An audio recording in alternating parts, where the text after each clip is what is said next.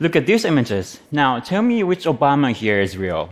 To help families refinance their homes, to invest in things like high tech manufacturing, clean energy, and the infrastructure that creates good new jobs. Anyone? The answer is none of them.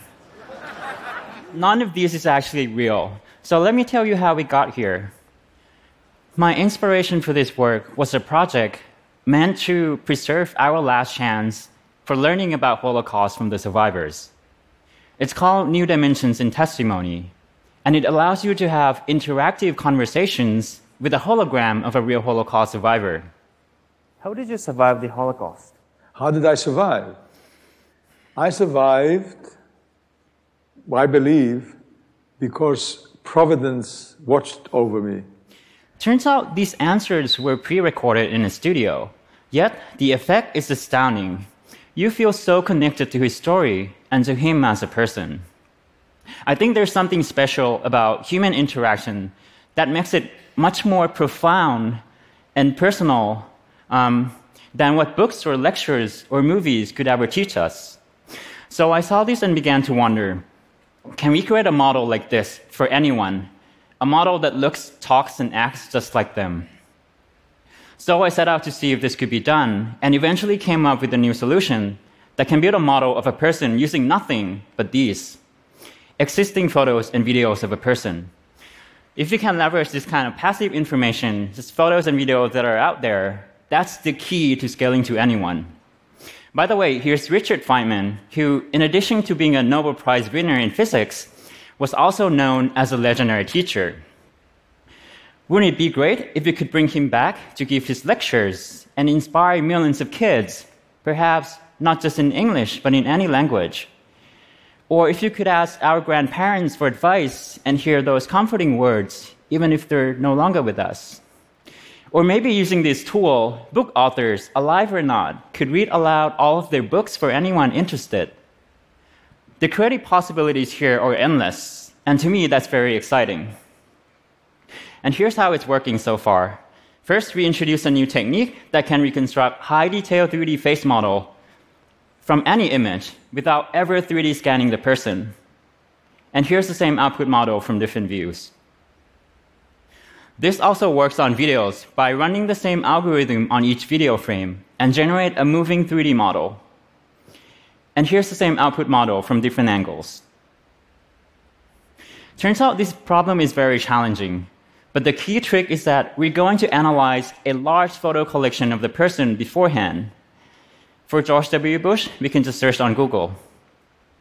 And from that, we're able to build an average model and iteratively refine the model to recover the expression and find details like creases and wrinkles.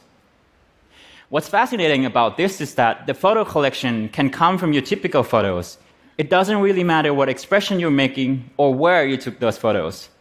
What matters is that there are a lot of them. And we're still missing color here. So next, we develop a new blending technique that improves upon a simple averaging method and produces sharp facial textures and colors. And this can be done for any expression. Now, we have a controllable model of a person, and the way it's controlled now is by a sequence of static photos. Notice how the wrinkles come and go depending on the expression. We can also use a video to drive the model. Rory, but um, somehow we've managed to attract this another uh, uh some uh, more amazing people. And here's a lot of fun demo. So what you see here are a controllable model of people I built from their internet photos. Now, if we transfer the motion from the input video, we can actually drive the entire party. It's a very difficult bill to pass because there's a lot of moving parts, and the legislative process is, can be ugly. and uh... so, coming back a little bit, um, our ultimate goal, rather, is to capture their mannerisms or the unique way each of these people talks and smile. So to do that, can we actually teach the computer to imitate the way someone talks by only showing it video footage of the person?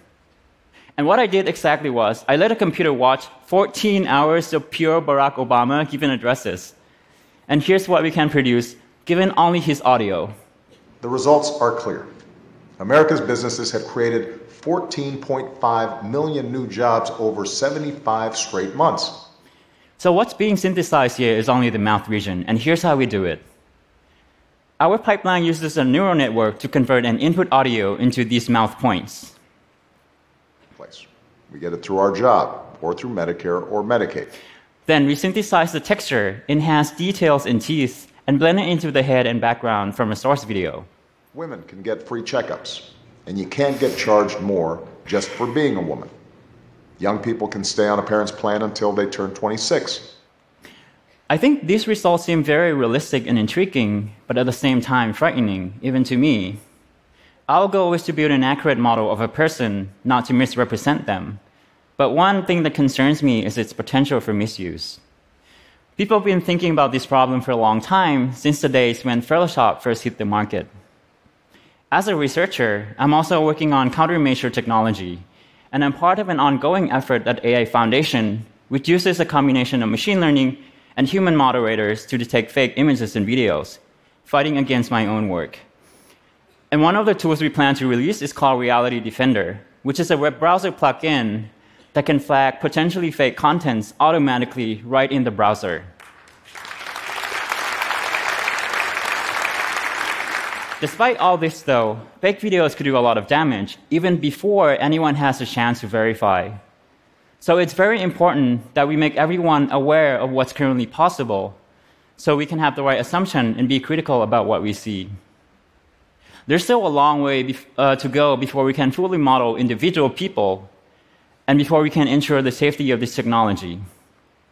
But I'm excited and hopeful because if we use it right and carefully, this tool can allow any individual's positive impact on the world to be massively scaled and really help shape our future the way we want it to be. Thank you.